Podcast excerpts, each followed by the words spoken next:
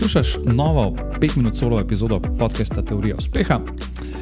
Um, če mi rečem danes govoril, da bil sem na dogodku Šesti čut v Ljubljani, kjer je prisotne nagovoril um, Gurudev Šrišri Ravi Shankar. In ena njegova misel je tako nekako dlje časa ostala z mano, še po tem dogodku. In sicer rekel je, da nam mali problemi oziroma neki mali izzivi samo jemljajo energijo, medtem ko nas veliki izzivi oziroma veliki problemi motivirajo. In zato je tudi on vedno fokusiran na velike spremembe, ki imajo velik uh, pomen za človeka in za naš planet, planet kot vem, uh, skrb za pitno vodo, postavljanje šol v nerazvitih območjih, uh, skrb za podnebje, skrb za zdravje in tako naprej.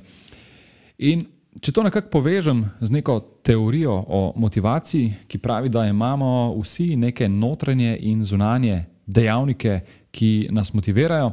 Naprimer, notranji naj bi bili bolečina, potem nek smisel, nek purpose, da ga imamo, um, in pa potem neka strast do nečesa, in zunani naj bi bili okolje, neka nagrada in pa um, priznanje, oziroma neka, neka um, pozornost, ki jo dobiš in te potem motivira.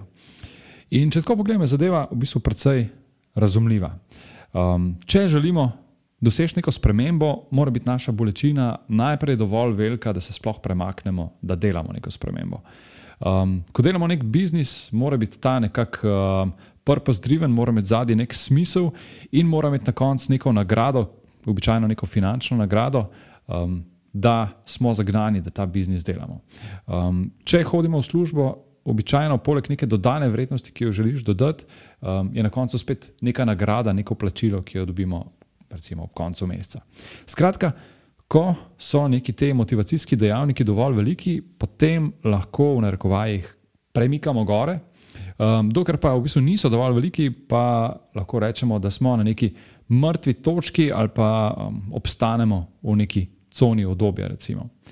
In tukaj potem sledi vprašanje, kateri so tisti problemi oziroma tisti izzivi, ki so dovolj veliki, da te motivirajo, in kateri so tisti, ki ti sam nekako pobirajo oziroma odžirajo tiste tri najpomembnejše valute, ki jih imamo v življenju, govorimo o času, energiji in pa denarju.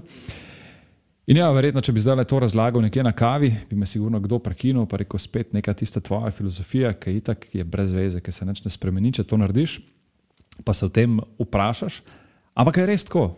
Um, jaz menim, da nekako je zelo pomembno, da se zavedamo, s kakšne vrste izzivi se srečujemo kakšni so problemi, ki jih rešujemo, kakšen je smisel v bistvu reševanja tega problema, um, kaj je na koncu tisti output, ki ga naj bi dosegli.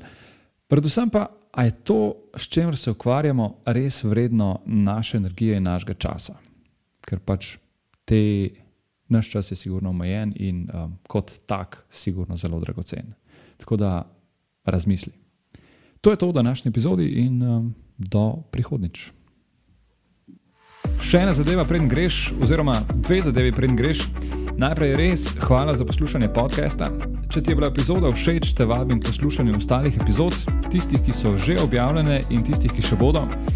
Hkrati pa te prosim, da na svoji podcast platformi podaš oceno oziroma pustiš komentar ali pa mogoče še več, da deliš podcast s svojimi prijatelji oziroma osebami, za katere meniš, da bi jih utegnil zanimati. In mi tako pomagaš pri širjenju prepoznavnosti podcasta. Še enkrat hvala in se slišimo v prihodnji epizodi.